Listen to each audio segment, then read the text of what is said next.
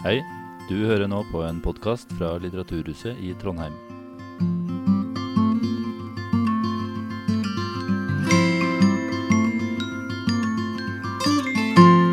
Hallo? Hallo? Hei. Hei, hei. Da vil jeg på vegne av Litteraturhuset ønske velkommen til kveldens arrangement. Ehm, den store Bymarka-undersøkelsen. Vi skal straks begynne, men først litt praktisk informasjon. Eh, toaletter finner dere bak lokalet til høyre eh, for, og inn forbi barneavdelingen og i andre etasje. Eh, nærmeste nødutgang er døren hvor dere kommer inn fra Kongens gate. Og så er det tre nødutganger helt bakerst i lokalet. Eh, Sellandrå er åpent underveis i kveld, så der kan man kjøpe seg noe fra baren. Ja, da gjenstår det bare å gi ordet videre til eh, kveldens samtaleleder, som er Ola Rønning. Gjennom varm applaus.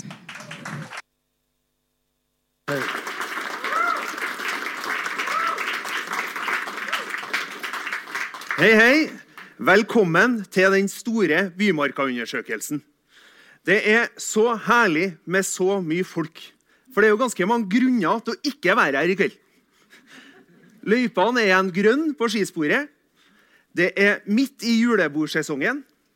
Det sendes tvetydige meldinger fra styrende hold om hvor man bør oppholde seg. Og det møtet her er snart ett og et halvt år gammelt. Nesten tre år etter at ideen om møtet om Bymarka ble født, er vi endelig samla her. Og det er godt.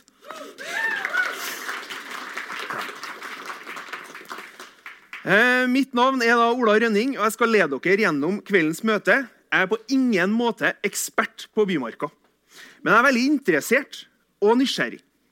Jeg lengter ofte til Marka, og det tror jeg mange her også gjør. Jeg har en eh, samfunnsvitenskapelig bakgrunn. Jeg er interessert i samfunn og historie, og derfor er Bymarka en ganske spennende case. I forbindelse med dette møtet er det jo gjennomført en undersøkelse som er delt på Internett. Undersøkelsen er svart på nesten 300 mennesker. Der har man fått spørsmål om alt fra hvordan de kommer seg til marka, hva de gjør i marka, hva de liker i marka, hva de misliker i marka, og hva de blir irritert av. Og det er jo ganske mye. Eh, og den eh, ja, Jeg leverte jo aldri masteren, så det med metode ble jo aldri kvalitetssikra noen. Så ja, det er en eh, populærvitenskapelig framstilling av en eh, undersøkelse. Min interesse, eksponering for Bymarka, begynner i tidlig alder. Jeg er oppvokst, i markas randsone. Jeg kommer fra en familie som i flere generasjoner har forherliga fysisk aktivitet også på søndager. Her ble strekninga Kumlokket-Elgsethytta innøvd i blinde. Den turen kan jeg i stor grad visualisere meter for meter. Det er få overraskelser på den turen. Med alderen og etter utallige timer på langrenn kom også egen motivasjon for å utforske. Det begynte jeg å stille meg spørsmål om hvorfor jeg ikke benytta andre deler av marka tidlig. Vern og utvikling er en skillelinje som kommer tydelig fram i svarene i undersøkelsen og Bymarkas historie.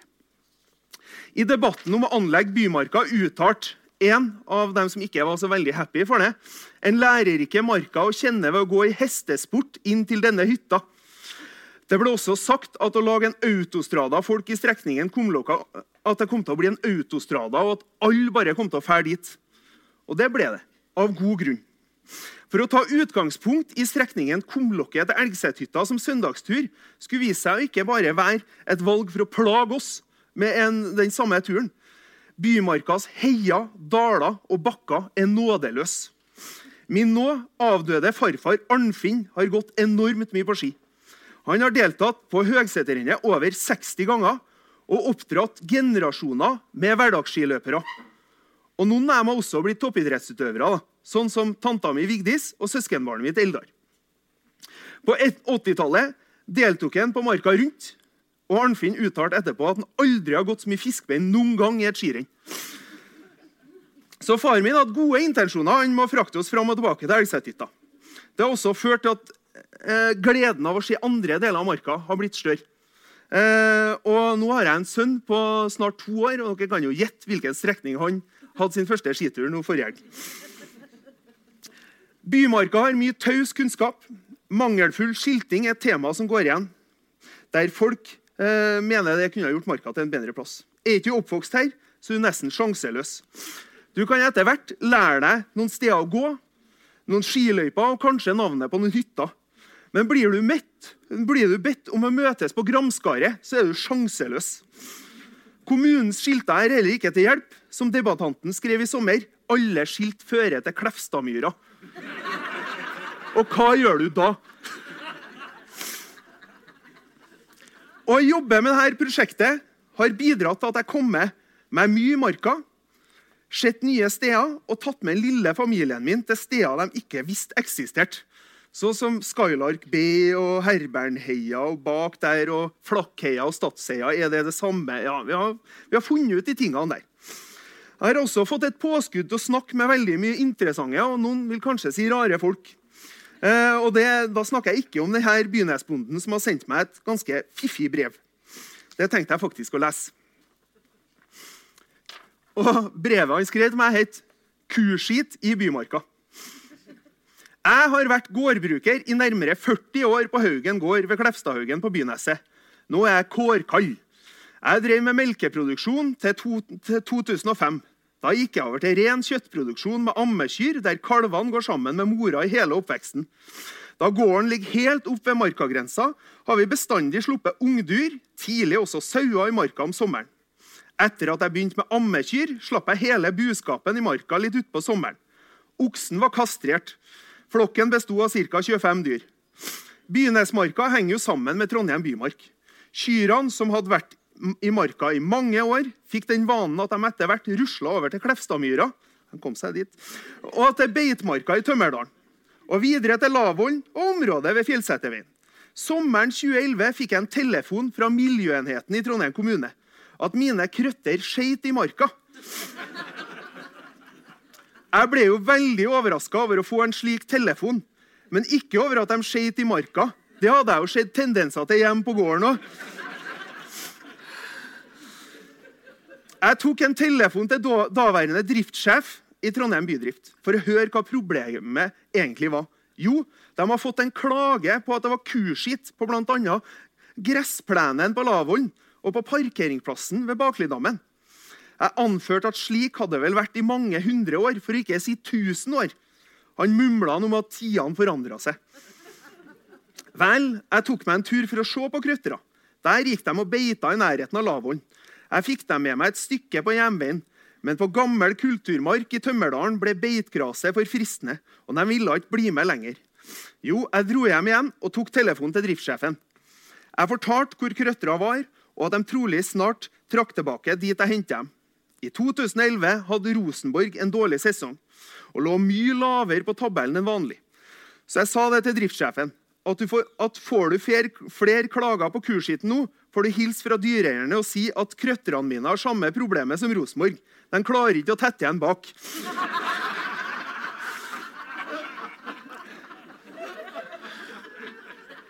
Jeg hørte ikke mer fra kommunen. skal sies at han her var en, eh, en glimrende ildsjel i Bymarka og har vært ildsjel for å anlegge mye av skiløypene rundt Klefstadmarka Nei, Klefstad eh, Nedpå Klefstad der. Det er mye Klefstad jeg snakka om. Vi skal ikke snakke om Klefstadmarka hele dag, men det var innpå det. da. Kanskje noen gjetta hvem det var òg, eller? Nei. Det var en Jens Klemetsaune. Så ja. Så han hadde det artig når han sendte meg en mail. Ja, tilbake. I kveld skal vi snakke om Bymarka. Eh, innledningsvis skal vi gå historisk til verks. Der skal vi ha med oss en Gaute Myhre, som skal prate litt. Deretter skal vi få et uh, musikalsk innslag fra Rikard Ottesen, som har skrevet noen perler om og fra Bymarka. Uh, og så vil det da bli en liten pause. Der vil det bli muligheter til å kjøpe seg noen drikkevarer bort på Sellandrå. Og så blir det litt presentasjon av de funnene jeg har funnet på Bymarka-undersøkelsen, og deretter en paneldebatt.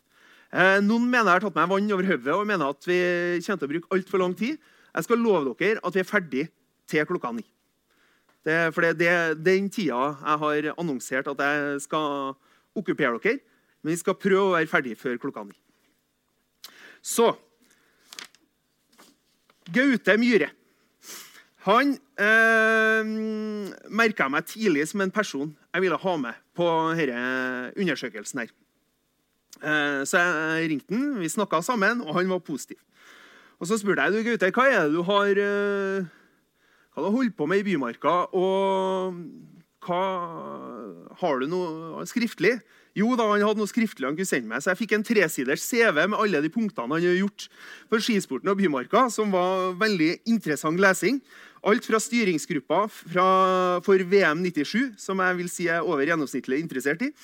Eh, tidligere leder, styreleder og æresmedlem i Trondheim skiklubb. Og ikke minst rennleder for det siste Gråkallrennet i 1985. Han er sakprosaforfatter og har skrevet flere bøker om marka og lokalhistorie. Han er 83 år, men fortsatt veldig aktiv for skisporten. Og han refererte senest til et møte han hadde med ordføreren for to dager siden, der han jobba for Skimuseet, der han er prosjektleder. Så ta godt imot Gaute Myhre.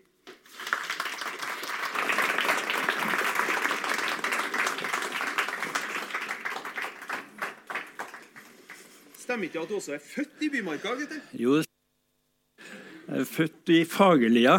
Og den gang var Fagerlia gård og huset vårt ja, ca. 100 meter innafor den røde strek, altså i, den, i, i, det som var Bymarka den gangen. da. Så jeg er født i Bymarka. Det er ikke så mange som er der. Det er noen oppe i Tømmerdalen.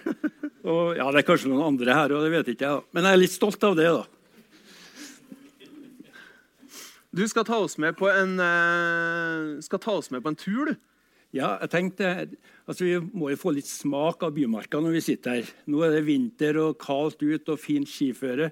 Men vi kan jo ta en liten runde. da, og da er Jeg laget en jeg håper jeg klarer det på 20 minutter. da. Hvis ikke så får du bare stoppe meg. Det skal jeg. Men jeg har en del bilder av både sommer og vinter fra ulike plasser i Bymarka.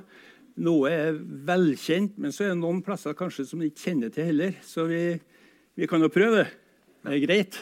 Eh, skal vi si noe om hvis noen kommer på at Steike, hvor var den svingkleiva igjen? Eller eh, hvis noen kommer på noen spørsmål underveis, at det kanskje er lov til å stille noen spørsmål etterpå til deg? Ah, ja. Ja, ja. Men jeg sier med en gang jeg er ikke noe levende leksikon. altså. Eh, og når du er 83 år, så du kan mye og husker mye, men det tar litt lengre tid å plukke frem det årstallet det navnet. da. Men eh, man bare spør. Skal vi sette i gang? Sett i gang. Ja, ok. Og da startet jeg faktisk i Fagerlia, der, der jeg var født, i det huset der. Og så ser du skogkanten her. Der gikk grensa til Bymarka den gangen. Og Da var det huset vårt, altså Fagerlia gård. Og der bodde vi alene. Hadde hele området for oss sjøl. Fantastisk plass å, å, vokse opp på. Men så var det i 1940. Jeg er født i 39. 1940 var jeg ett år. Det var krig i Norge.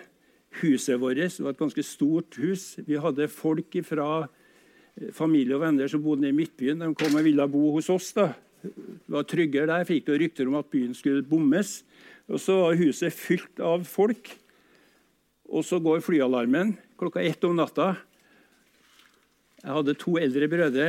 Mor og far bar jo dem ned i kjelleren. Jeg lå igjen i sånn eh, kurv her innenfor vinduet her.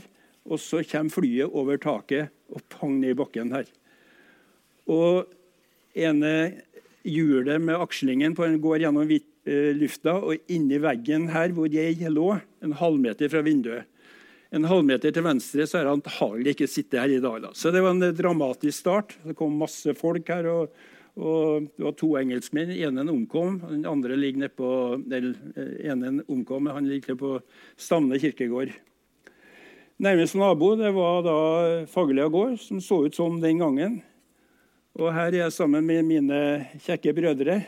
Eh, det er jo fint å vokse opp da med korn på stauren og hersa. Vi hoppa i høyet, og det var helt fantastisk. Samtidig som jeg gikk på Ila skole, lang skolevei, men det var inni marka. Og Sånn ser det ut i dag. da. Det er ikke noe dårlig, det, det er ikke jeg mener, men vi savner jo den gamle, fine området. da. 100 meter lenger nord, eller syd blir det, så lå jo Skjønningsdal gård rett overfor oss. Der var vi også og var jo venner med ungene på gården der. Vi var med og hersa høy og, og var stjal kunepp og, og ja, var med på det som var på landet. da. Sånn så Skjønningsdal ut en gang i tida. Her i Faglia gård, og så lå huset vårt nede i, nede i skogkanten der. da. Jeg må si noen ord om denne mastua der. Den eh, sto der den gangen også, men var under krigen så var det tyskere selvfølgelig i området her. Det sto en ammunisjonsbil, en lastebil fullasta med ammunisjon oppe i Gramskaret uten, eh, uten håndbrekket på. Og så begynner bilen å rulle nedover jordene og pang inni huset. Og flytta huset en meter av grunnmuren. da. Men det sa ikke pang, da, heldigvis. Så drar vi fra oss opp Keiserstien, opp til strandlinja. og Her er det Skjerpet da, som ligger, Faglia-skjerpet, eh, akkurat når vi kommer opp der.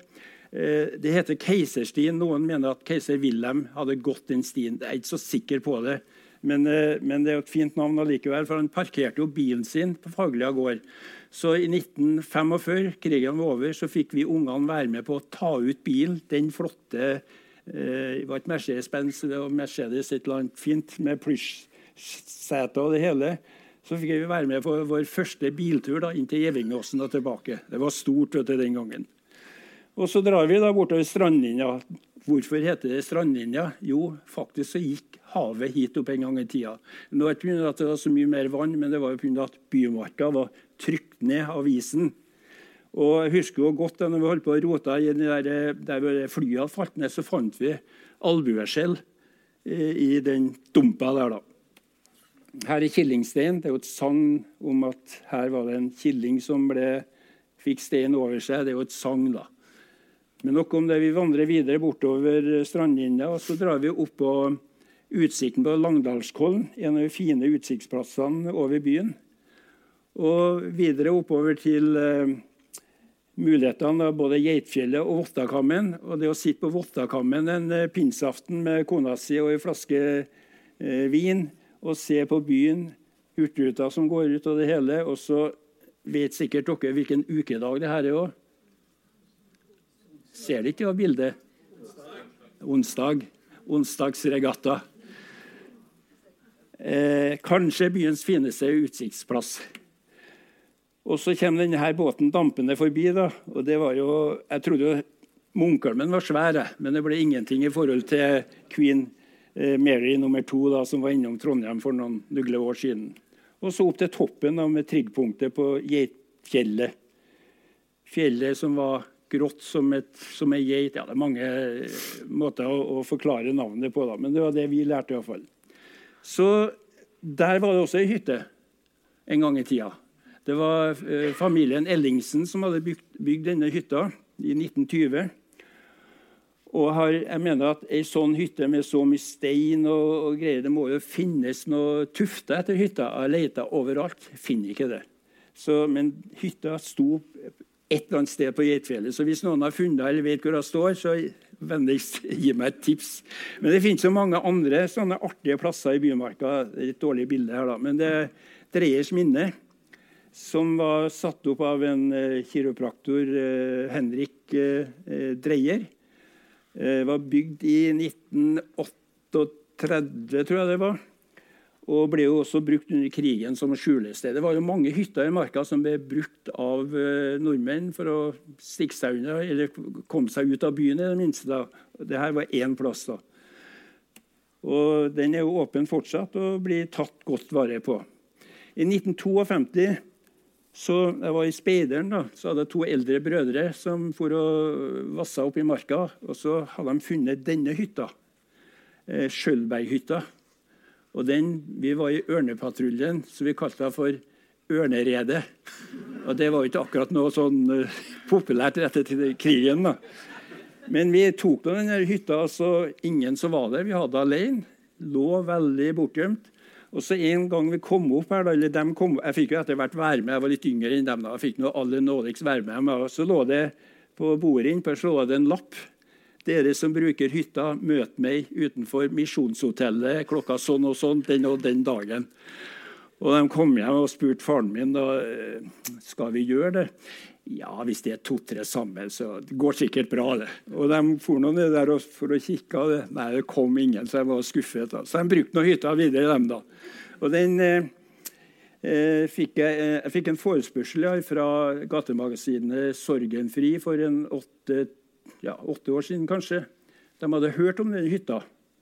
Og så lurte de på om jeg ville eh, ta dem med dit opp. da. Dette var om våren. Det var skiføre ennå. Vi møttes på Tømmerhalstorget.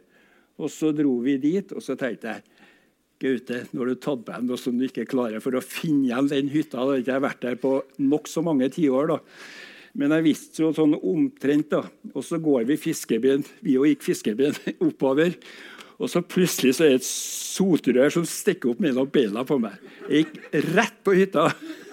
Det var jo fenomenalt. vet du. Men så ble det skrevet om det her først i Sorgenfri kom det i adresse, og så kom folkevandringa hit. da. Og det er klart, den, eh, Mystikken den, eh, den var litt, eh, ble ikke samme, da, men nok om det. Men den her tror ikke dere har funnet. Den hemmelige hula. Eh, hvis dere finner den, så venter jeg ei flaske rødvin på dere. Eh, den er såpass bortgjemt at eh, ja, det er plass til en fem-seks personer inni. Ja. Den ble brukt under krigen som de speida herfra ned på Ilsvika, eh, flyhavna osv. Nå har de fått et bra signal da, omtrent hvor det kan være. Og jeg hadde med to barn, ja, det her var Adressa hadde jo, de vet det, men de, det ble ikke at de skrev noe om det her. da. Men eh, barnebarna mine syntes det var artig at de var de eneste barnebarna i Trondheim som visste hvor hula er. da. Men eh, hvis de finner kom igjen. Ei flaske rød. Jeg håper ikke alle finner da går jeg konk. Men det er jo sånne artige plasser. ikke sant? Og så er det ei anna hytte som også Det er et dårlig bilde, for det her eh, på 50-tallet en gang så hadde jeg smalfilm 8 mm, sort-hvitt. Så det her er fotografert av et smalfilmbilde. Den hytta her het for Uren Luren eh, Himmelturen og var bygd i 1926 av uh, familien til Bjørg Sliper, som kanskje mange husker, som gikk bort for kort tid siden. Den sto og vakla nord for, uh, nord for Eggseterhytta. Nede i dumpa der sto og støtta seg inntil fjellveggen. Jeg så jo demonstrativt og prøvde å uh, rette opp henne, Men den ble jo etter hvert revet, den da. Men det var ei familiehytte, så det fins mange sånne spennende plasser i, i Bymarka. Vi drar inn i Tømmerdalen, Tømmerdalen uh, uh, Vestre, hvor familien By vokste opp. Eh, de hadde fem eller var det seks barn. Gikk på Ila skole. Lang skolevei. Det vil si, til å begynne med så ja, de, de, kjenner sikkert igjen husene. Når du kjører veien innover til parkeringsplassen, så kjører du gjennom gården på en måte. Der bodde de, da, disse barna, til by. Eh, til å begynne med så hadde de skole nede i Trolla. Måtte gå da over skogen og ned til Trolla på, på skole hver dag. Og da var det ikke noen som verken brøyta vei eller, eh, eller løype. De måtte gå. Noen ganger var det så mye snø at de kom for seg. Etter hvert så ble skolen nedlagt i Trolla, og da ble de flytta til Ila skole. Og når de møtte en elg eller det var så mye snø at de kom for sent til bussen, så måtte de gå da til Ila-skolen etter veien. Og da kom de for sent på skolen. Er det noen lærere her? Hva skjedde da? De måtte sitte igjen. Og da var bussen tilbake gått. Så måtte de gå da opp Steinberget og innover eh, og hjem igjen. da. Det var tøffe tak, det. Men det var en av dem, han Ottar, han gikk jo i klassen min. Og, og hun, Mari, jenta der, da, hun har gården i dag. da som er velholdt og, og fint. da. Eh, hvis vi går litt opp i høyden, da, så ser vi Holstvollen, som byungene møtte de to barna som bodde der da, og gikk eh, sammen da, på skolen. Holstvollen var jo en av mange gårdsbruk i Bymarka. Til å begynne med så jo, lå jo gårdene i Midtbyen. Og så bygde de setre oppe i marka som de eh, eh drev dyrene frem og tilbake gjennom Geiland, Kofotgeiland. Men så ble jo også gårdene i Bymarka etter hvert nedlagt. I dag er det knapt et husdyr i, i Bymarka, bortsett fra dem du kjenner. eh, Holstvollen Jeg kjempa litt for å, at vi skulle bevare den der gården. For jeg mente at Her måtte det være en fin anledning til å legge ut teiger til skolene. At hver skole fikk seg en teig og lærte at eh, melka, eller iallfall det man produserer, eh, det kom ikke fra et kjølelager eller fra en frysedisk, men det, det, kom fra en plass i jorda. Men eh, jeg fikk ikke noe gehør for det. da. Så eh, gården ble revet i 2017, eh, dessverre. Og hun Nikoline, som var født i 1910, og Josef Holsvold i 1904 på denne utmarksplassen. De, eh, han jobba jo som blikkenslager nede i byen og hadde jo en relativt lang vei, men de drev jo gården da i mange mange år til de gikk bort. Kommunen overtok, og forfallet kom, dessverre.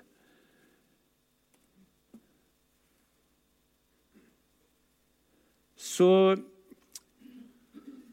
Derfor har jeg lurt på mange ganger hvorfor kommunen driver og kjøper opp alle disse plassene bare for at de skal forfalle. Eh, det er nesten sånn, altså. Dessverre synd. Og sånn ser det ut i dag. da. Det vil si, nå er det jo bygd opp noe bål eller ja.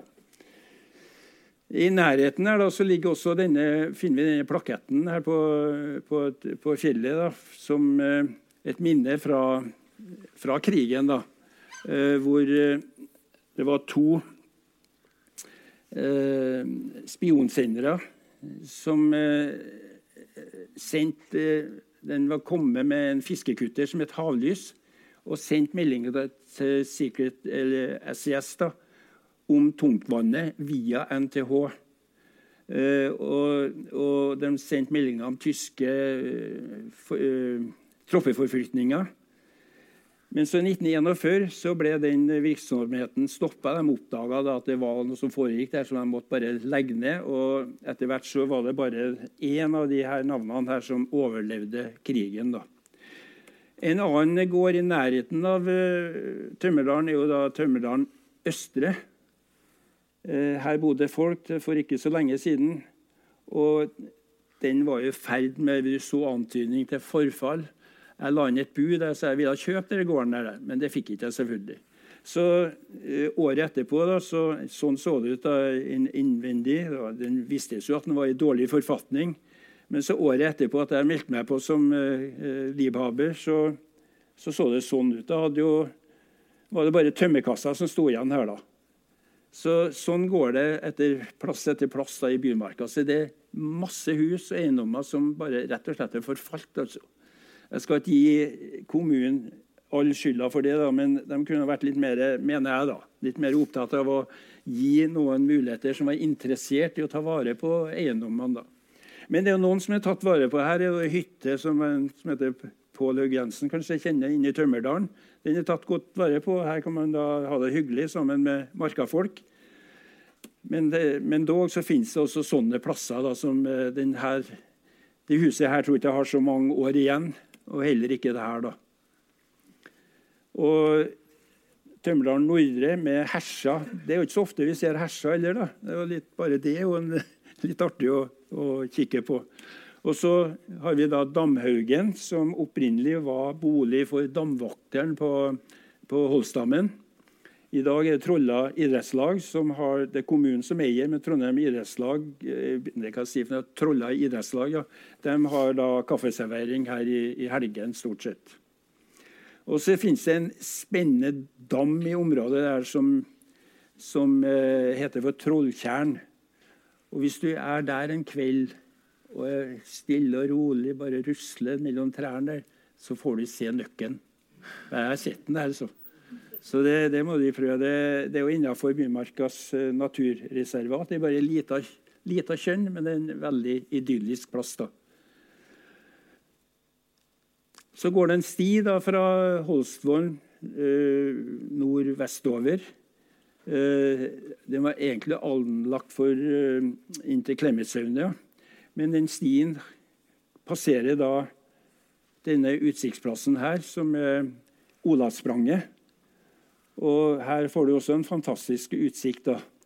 Og min far fortalte meg at det, det hadde noe med en eh, med, altså Hvorfor Olavspranget? Jo, da, eh, kongen hadde gjort det store spranget her, da, men det er jo 200 meter rett opp her da, fra sjøen. Så hvilket sprang han gjorde, det vet ikke jeg. da, Men det bildet her tok jeg i, på Orkenøyene av Olavskongen, eller eh, kong Olav Tryggvason, med trønderbart. Og, Om det var han eller om det var hellig Olav, det er jeg ikke sikker på. da. Men det, det er oppkalt etter en eller annen olavskonge. da. Og Så har du utsikten ned her. da. Og Jeg har stått på kanten her og sett ørneparet sveve under meg. To stykker som Det er litt artig å se ned på ørnen. da. Og så går veien her da rundt fra Trollavien. da. Og nede i lia her og så ligger det mye rester etter bebyggelse i bratta oppover her. da. De bygde jo der hvor det var mulig å bygge. Det var nære sjøen, hvor man kunne få fisk. Og det var nære marka med tilgang på ja, bær av ulike sorter. Og Drar vi enda litt lenger ut, så kommer vi også til en gammel gård som også var i ferd med å falle ned. Da. Det var Klemetsøvne. Og den, det huset her, som er stabburet ja, Stabburet det er det han arkitekt eh, ja, hva heter den, ja? Det er en arkitekt som har tatt vare på det. Og, og, og har skikkelig eh, gjort eh, Ja, tatt vare på huset. For der er da eh, kolonihaven bygd opp. Det er masse fine, små hytter eh, på det området.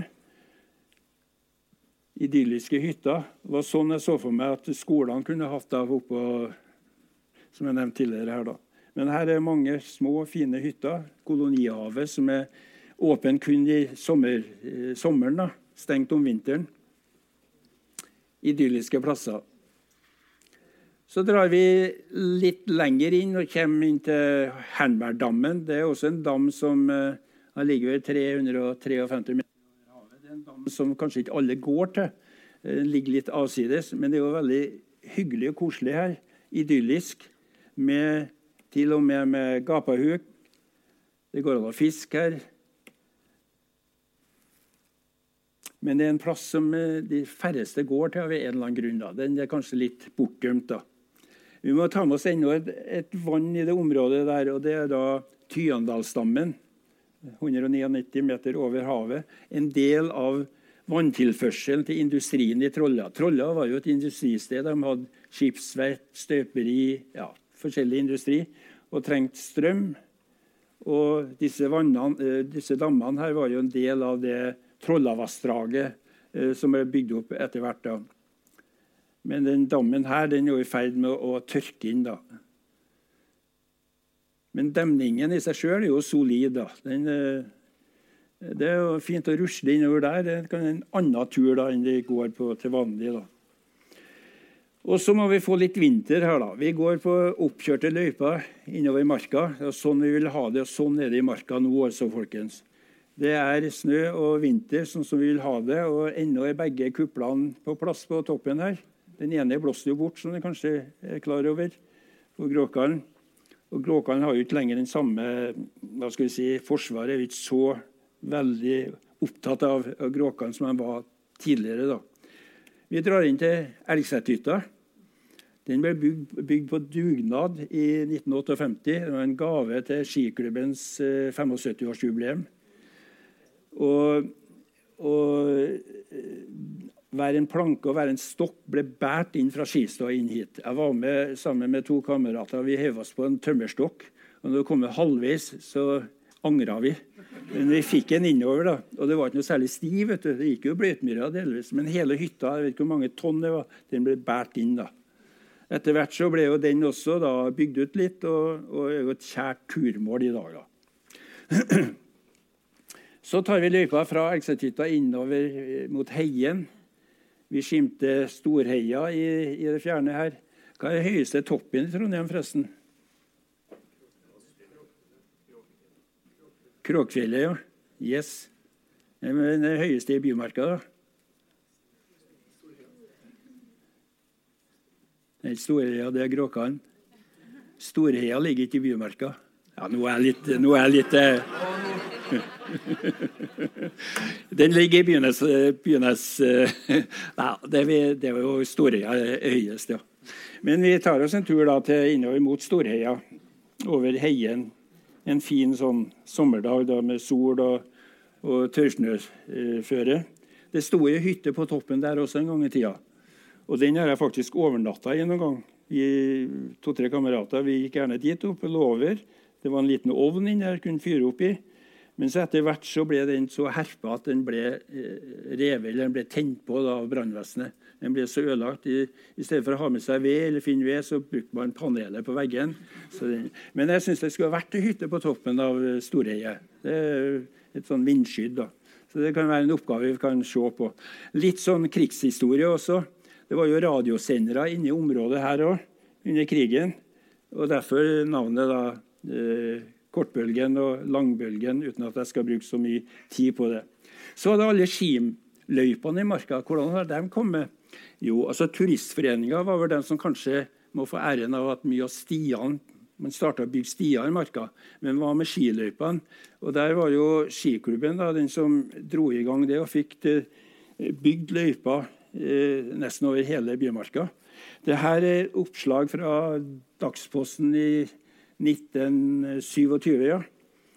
Og det farva løypenettet her fra den gang og i dag, det er nesten det samme. altså. Det er nesten det samme. Det er kommet til noen flere, men det er nesten de samme løypene vi går på i dag. Og Allerede i 1904 tror jeg det var at skiklubben bygde den første, eller anla den første skiløypa da, fra Lillegråpdalen og parallelt med Rusterlanda og nedover.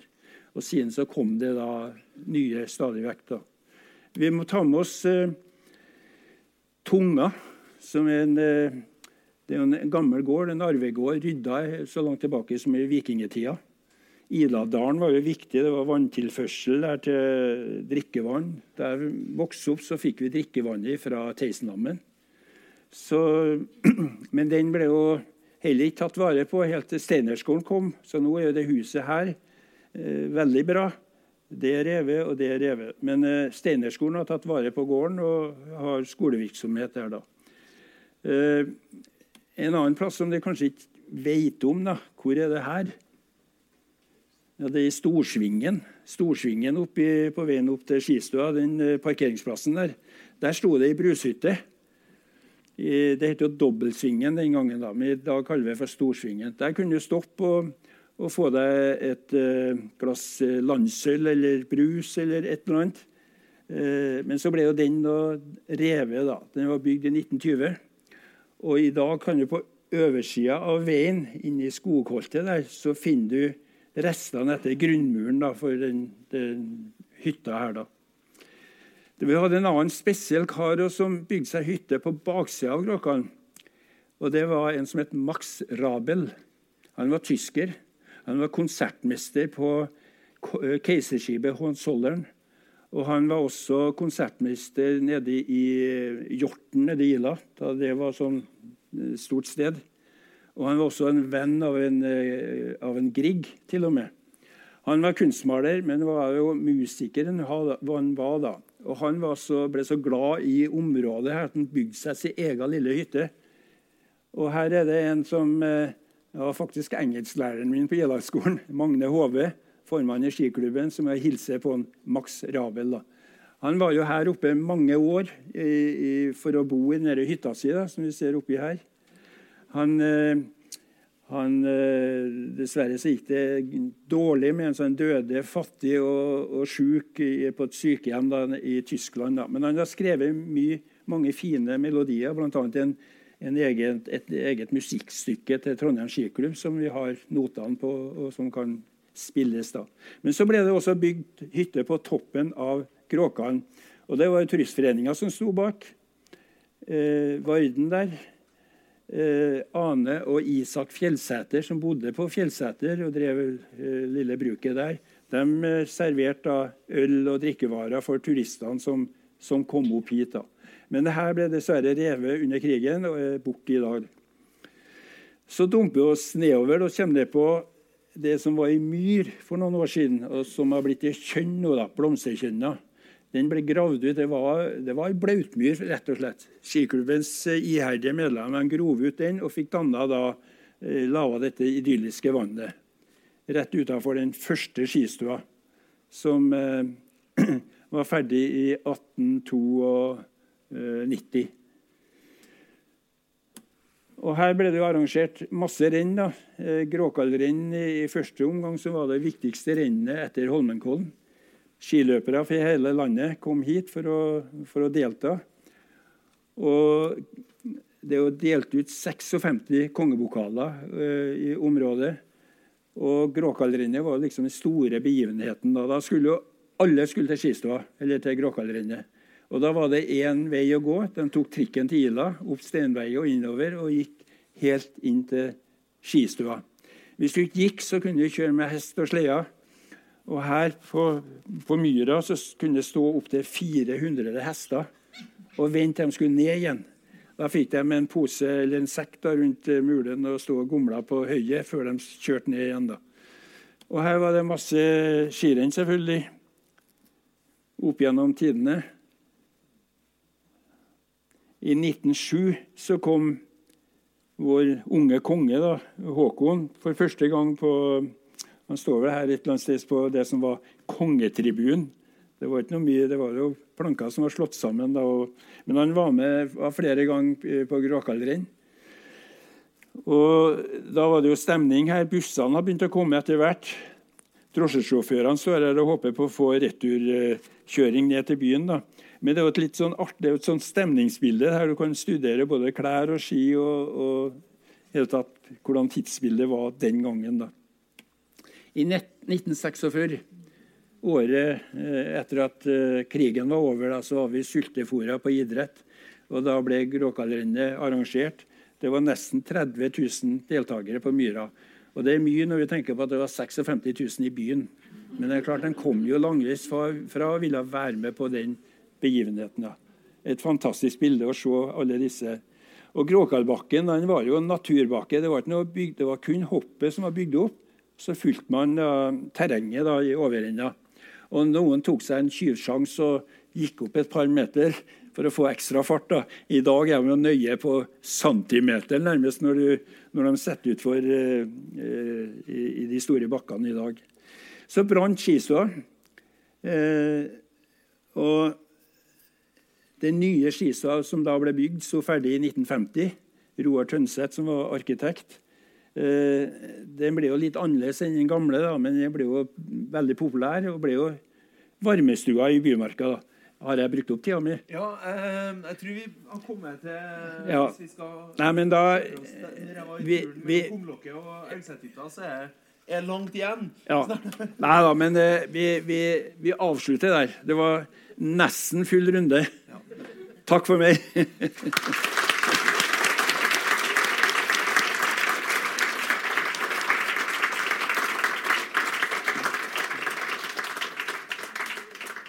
Tusen takk for en utrolig fin rundreise i Bymarka. Historisk og alle de hyttene. Og ei hytte du ikke nevnte, kanskje gode grunner. Det er den hytta utafor studenterhytta som er forlystelse for eh, studentene som eh, er på ca. 1 kvadrat. Jeg husker ikke hva den heter. Eller? Hekkebu. Hekkebu ja. Den er jo bare, det er jo plass til bare en madrass der. da. Ja. Ja. Jeg har ikke vært der, så jeg vet ikke. Jo, jeg um, Han Morten har vært der.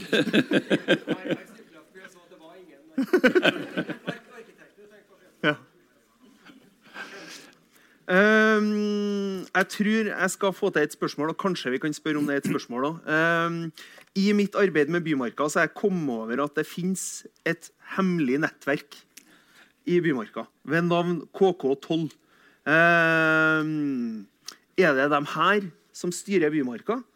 Eller hvem er det som styrer prosessene? Nå har det kommet også for å høre at du er medlem i det her hemmelige nettverket. Som du er med i til døden. Nei, Det er ikke noe mer hemmelig enn at uh, skiklubb, Trondheim skiklubb da, har, uh, har, jo også en del veteraner uh, som har hatt noe, vært formann eller et eller annet, hatt noe verv av skiklubben. Og så ble det i 19 33 så ble det laga en sånn klubb. da. Freide har det samme, eh, også det er flere klubber. Da. Så ble det i 1933 danna en sånn veteranklubb, kan du kalle det. Og vi lever fortsatt. Vi er maks 20 mann. For å bli medlem der så er en av oss 20 som må ligge vannrett. Så det er ikke noe mer hemmelig. Men altså, vi, jo, vi, vi jo, prøver å støtte opp. Da. Vi har bl.a. reist den der Olaf Grilstad-bautaen som står utafor Skistad. Ja, Den hørte jeg om at du var høytrykksspyle her for noen dager siden. Ja, stemmer. Den begynte å bli begrodd. Vi har, eh, vi har satt opp ei karttavle på toppen av Gråkallen. Altså, det er en del sånne ting vi gjør da. Ja. Men det er, jo alle, det er ikke noe hemmelig nettverk. altså. Nei. Men det, det er dessverre vanskeligere å bli medlem. Så jeg skal varsle fra når jeg går bort der. Eh, ja, da eh, skal vi presentere noen av de her funnene i den her uøytydelige undersøkelsen da, som er sendt ut. Er det noen her som har svart på den, kanskje? Ja, noen. Vi har noen respondenter. Veldig bra. veldig bra. Takk for at dere tok dere tida. Det tok ganske lang tid å svare på den. Men når du lurer på så mye, og du tenker at nei, jeg kan ikke fjerne spørsmålet, og så finner du ut at du har stilt det samme spørsmålet to ganger uh, ja. Men uh, her er da brukerne, nei, respondentene som har svart. Uh, det er herrer mellom 30 og 50 som utlegger normalfordelinga. Eh, det er en overvekt av menn som har svart. Eh, ja, ha det i bakhodet.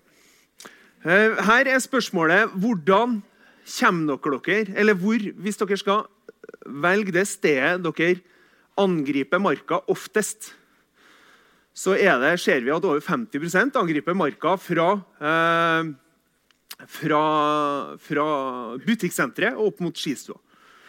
Eh, så den her Det er jo en målsetning, vet du, de her eh, de her motkreftene mot å lage elgsetthytter som tenkte at nei, vi må spre, eh, spre trafikken. De har ikke vunnet her, da, ser vi. Det er Mye av trafikken går her, ellers er det det at det er mest Sverresborg-folk. Ja. Men hvordan kommer du deg til marka? Da har du jo da eh, det fine tallet. 46,4 går eller sykler. 51,7 kjører bil. Og 1,5 tar kollektivtransport. Eh, Det er jo forståelig med det glimrende tilbudet AtB har for oss som har lyst til å dra til Bymarka. Eh, Men det som er positivt her, da, Ikke ikke det her For det blir jo ved hvert snøfall så blir det jo store trafikk. Da blir det trafikkaos. Eh, Og for løsningene på det her da, er jo eh, Da har jeg spurt hva mener dere er løsninga. Er det større og finere parkeringsplasser, eller er det bedre kollektivtransport? Og Da mener nesten 70% at de vil ha bedre kollektivtransport i stedet for større parkeringsplasser. Så det fins jo håp. Eh, det fins håp der ute om at vi eh, ja, i noen skikkelig radikale mm, diskusjoner jeg har vært i, så har det vel kommet opp at Fjellseterveien bare at man burde ha satt opp bom eller eh, eh, sperra av veien. Så sånn at det blir sånn som i gamle dager, da man tok trikken til Ila. Ja. Eh, hva gjør folk i marka?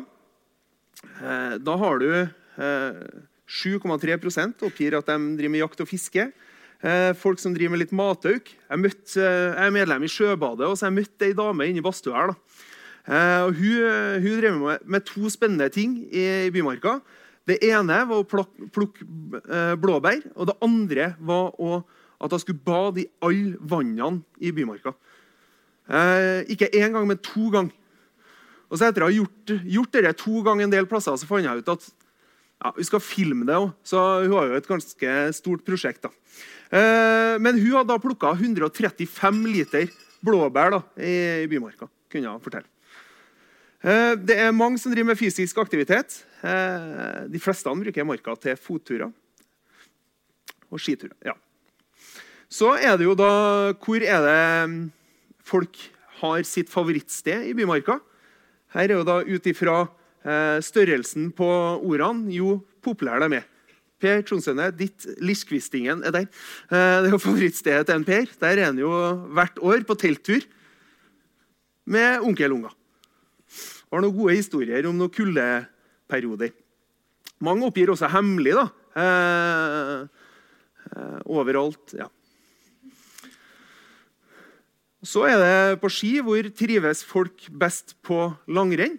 Eh, og det er jo da de tre eh, grønne eh, områdene her da, som, eh, eh, som er mest populære eh, ut ifra. Nå, nå skal jo sies at den, de respondentene vi har svart, de trives best med å parkere i Fjellseterveien. Eh, så det er jo selvfølgelig at de liker det området her og ikke det. Eh, men Her er det mest populært å gå på langrenn. Eh, heian er også det Når jeg spurte er dere interessert i å ha flere maskinpreparerte løyper i Bymarka, da mener majoriteten nei. De vil ikke ha flere. Men når jeg spør om de vil ha sånne koselige løyper, sånn som Vårløypa f.eks., flere plasser, så er svaret da er det større positivitet. Og da er jo Heian en plass de kunne ha tenkt seg eh, flere løyper.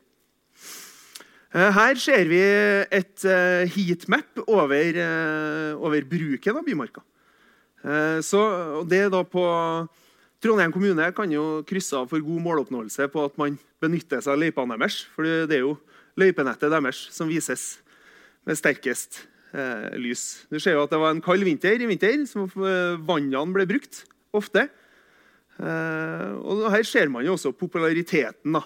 Og Da er det jo en artig diskusjon å se hvor mye penger som blir brukt på de skiløypene nedpå her, kontra oppå her, og at kanskje noen av de tre tråkkemaskinene her kanskje kunne ha sørga for at Martin Wiggen-runden kunne ha blitt preparert en ekstra gang i uka. For eksempel. ja. Noen lokale navn har vi, da. Um, så har jeg spurt hva er, det, hva er favoritthyttene dine i Bymarka. Eller hva er de favoritthytte? Og Da er det Rønningen, som vi så fint hørte en sang om her i sted. Det er på tredjeplass. Så er det Elgseidhytta på andreplass. Og det er Grønlia på førsteplass. Og så spurte jeg hva er det, hva er det hvis dere kunne ha tenkt dere noe mer. Eh, et utvida tilbud, da. Eh, hva er det dere kunne tenkt dere på de hyttene? Og da er det ikke alkoholservering Eller det er jo ganske mange som ønsker alkoholservering, og det hører vi at man også drev med i gamle dager. Grete.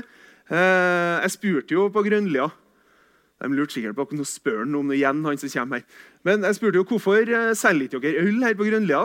Og da sa han nei, vi, vi tør ikke det, for da blir det Da er vi redd for innbrudd, sa han da. Ja. Ja ja, de får seg i hvert fall en tur i friluftsliv, de som stjeler den ølen. Men eh, overnatting er populært. Eh, og bedre kaffe. Ja. bedre kaffe. Så er det topp fem vann. De har blitt veldig populært å gå til de vannene i Bymarka. Eh, etter den boka med 50 vann kom. Eh, Skjellbrea er, er på topp.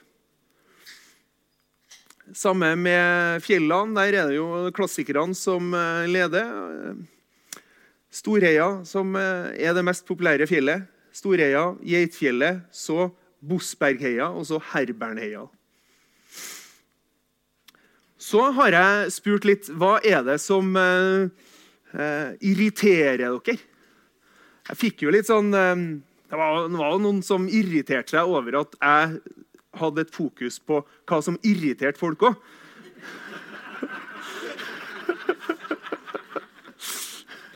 Eh, men jeg hadde jo da et spørsmål om hva som irriterer deg mest i skiløypa. Og da er jo majoriteten er jo gående. Og så er det nei, så er det syklende. Morten. Hvor er det? Ja, det, det, det er Morten. Og så er det hunder, og så er det skiløpere. Ja.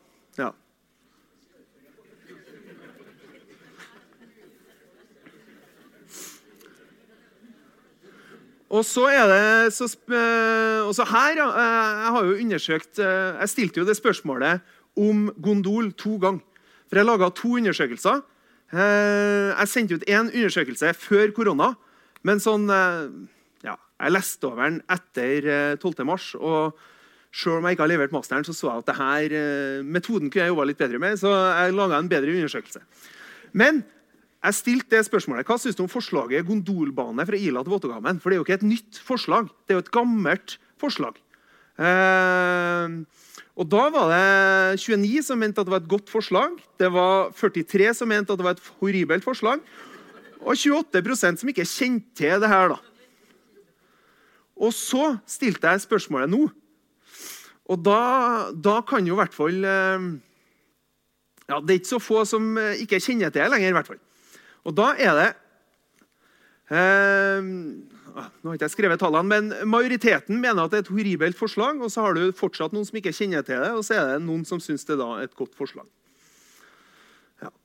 Det blir vel lagt på eh, parkeringsplassen sammen med forslagene om eh, dyrepark både på Fjellsetra og i Granåsen. Det er ikke sikkert det blir. De klarte ikke i Klæbu, og vi klarer ikke i Trondheim heller. så det... Ja.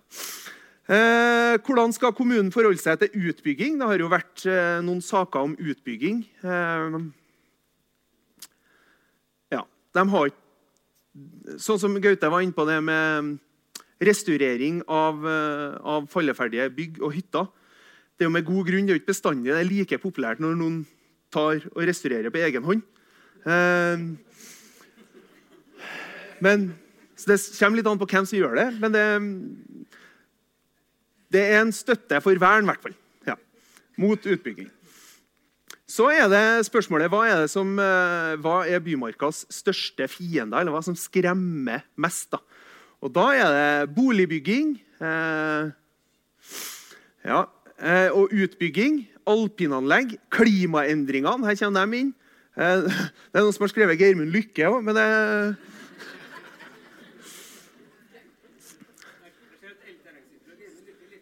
Ja.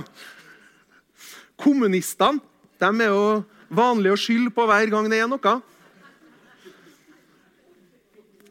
Eh, syklister ganske svært, Morten. Nedbygging. Eh, Gråkallen skipark. Gjengroing. Ja. Så, så, det er, det er ja, Germund Lykken var med to ganger. Han er en utrolig snill mann. Eh, Bentner. Han har gjort mye for Trondheim, men kanskje veldig lite for Bymarka. Eh, ja. ja. Nei, så, så det, var, det, var, litt av undersøkelsen. Vi går inn i programmets eh, finale.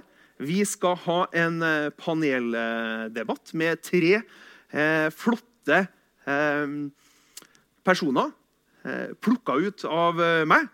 Eh, det er det er, Jeg har skrevet noen stikkord om dere. Eh, kanskje blir jeg fanga av manus. Men eh, det er Elise Djupedal. Eh, kveldens første kvinne på scenen. Eh, så kjønnsfordelinga har jeg fått litt kjeft, av, kjeft for. Men det er ikke pga. at hun er kvinne at du er hjemme, du er hjemme for at du er drivende dyktig. Eh, skoleforsker og pedagog, har en lektorgrad med kroppsøving og sosiologi. Skriver nå en doktorgrad om skoleutvikling. Har hytte på Hestsjøen eh, og en ivrig markabruker hele året. Så har vi Morten Karlsen, NRK-journalist og veldig flittig bruker av Bymarka. Poster nesten daglig bilder fra turer på sykkel, ski og føtter. Eh, det kan være informerende, inspirerende og humoristiske innlegg. Er noen ganger med i debatten om bruk av sykkel i skisporet på Facebook. Så har du Vidar Underbakke, tidligere konkurranseløper, kalles det. Konkurranseutøver. Toppidrettsutøver, kaller vi eh, På langrenn. Har vært skitrener for Petter Northug og kan være toppidrettens stemme for bruk av Bymarka. Han bor rett ved Bymarka og bruker stedet for å holde seg i form og fartsfylte opplevelser. Og har en rekord som vi skal komme tilbake til. Så velkommen opp på scenen. Morten, Vidar og Elise.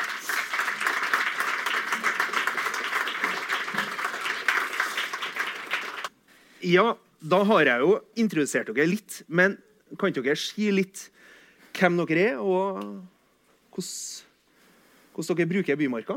Noen som har lyst til å begynne? Ja, jeg kan jo begynne. Eh, Vidar eh, heter jeg. Eh, da, som eh, Ola sa, eh, tidligere skiløper. Eh, har òg vært litt trener på, på toppnivå. Jeg er jo opprinnelig vokst opp på Ranheim, men så, så, glad som jeg var i Bymarka, så måtte jeg jo bosette meg ved Kyvannet. Og, og bruker Bymarka ganske mye til å holde meg i form og, og ha gode, gode turer og rekreasjon her. Ja, jeg bor da ved Åsveien skole pga. at det er nære Bymarka. Og folk spør meg hvorfor bor du ikke nærmere jobb. Og jeg sier at jeg er på Bymarka ca. 300 ganger i året. Jeg er ikke på jobb 300 ganger i året.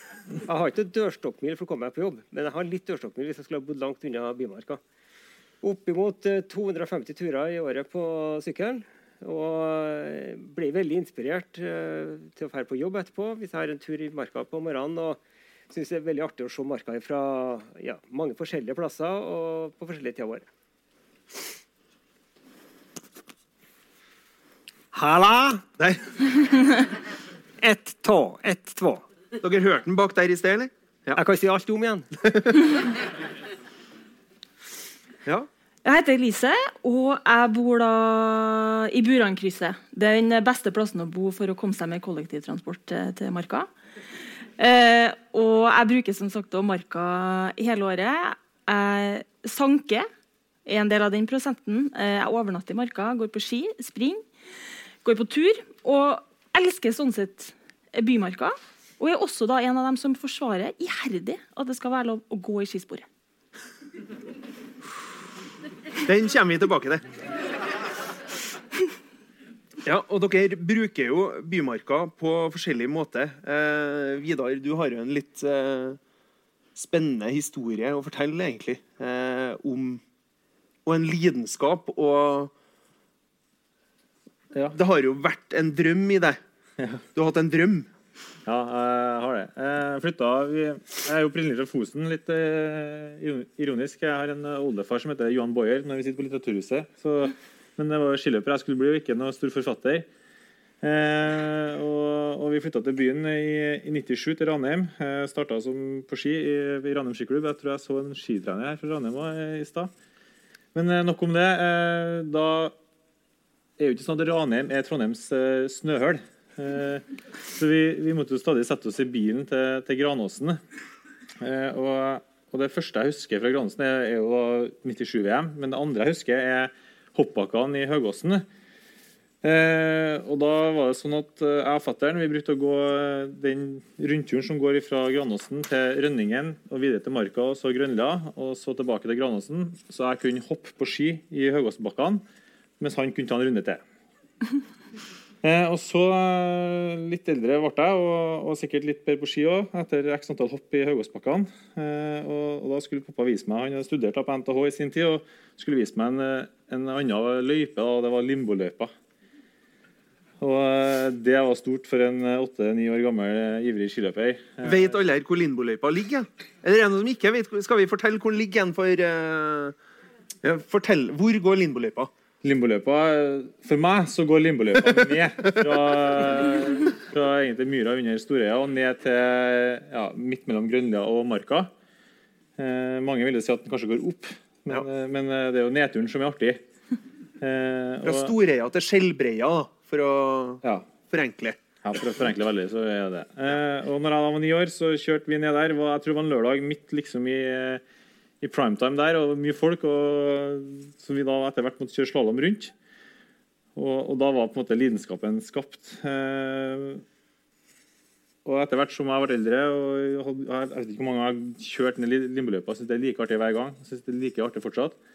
Eh, så i hvert fall etter hvert, når jeg da la opp på ski eh, og skjønte at verdensmester det ble ikke jeg, men at eh, jeg kunne klare meg fint i livet uten det. Så, um, så hadde det også kommet en del teknologi på banen.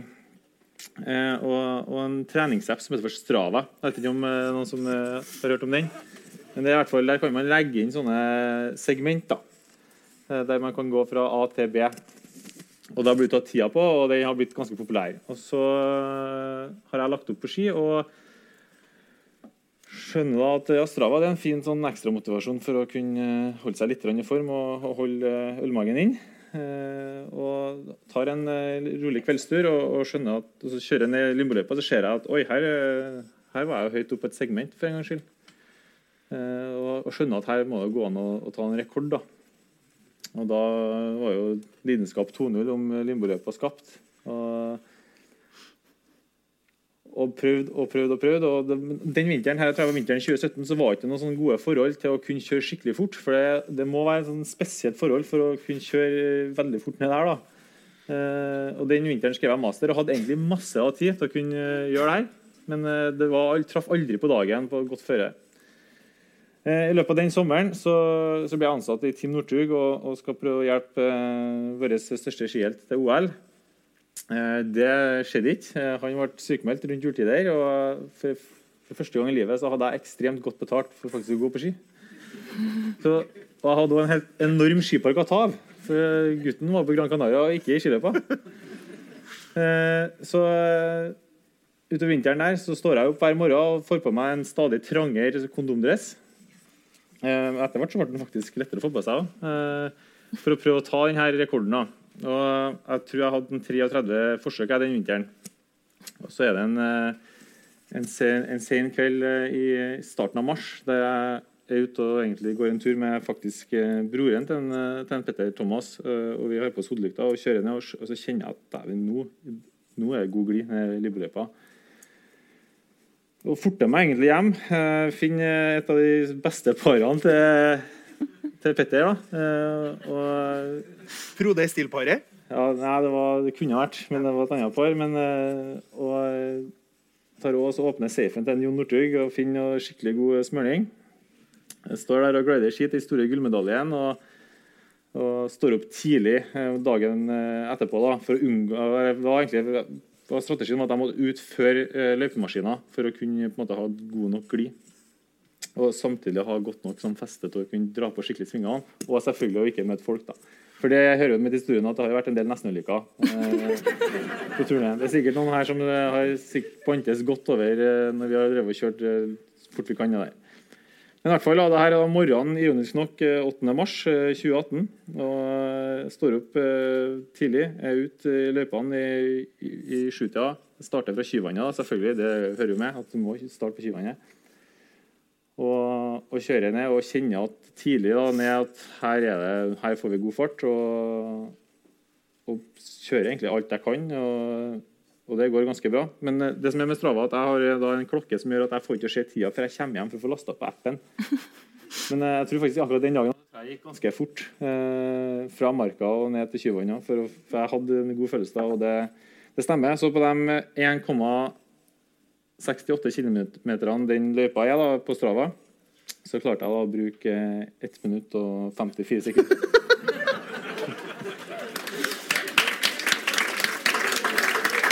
Gratulerer.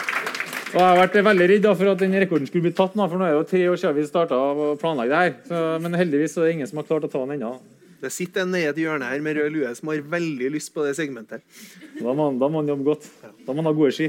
Har, har dere Strava, eller hvordan er deres forhold til Strava? Jeg har et anstrengt forhold til Strava. Jeg har, eh, jo, altså, har sykla sammen med folk i Bymarka som på søndags formiddag har stoppa på et vilkårlig sted i løypa. Jeg har ikke skjønt hva de holdt på med. Så står de og så og så legger de av gårde og sykler som de skulle ha hatt faen i, i hælene. Eh, på plasser hvor det kan komme folk med barnevogn og hunder og hva som helst.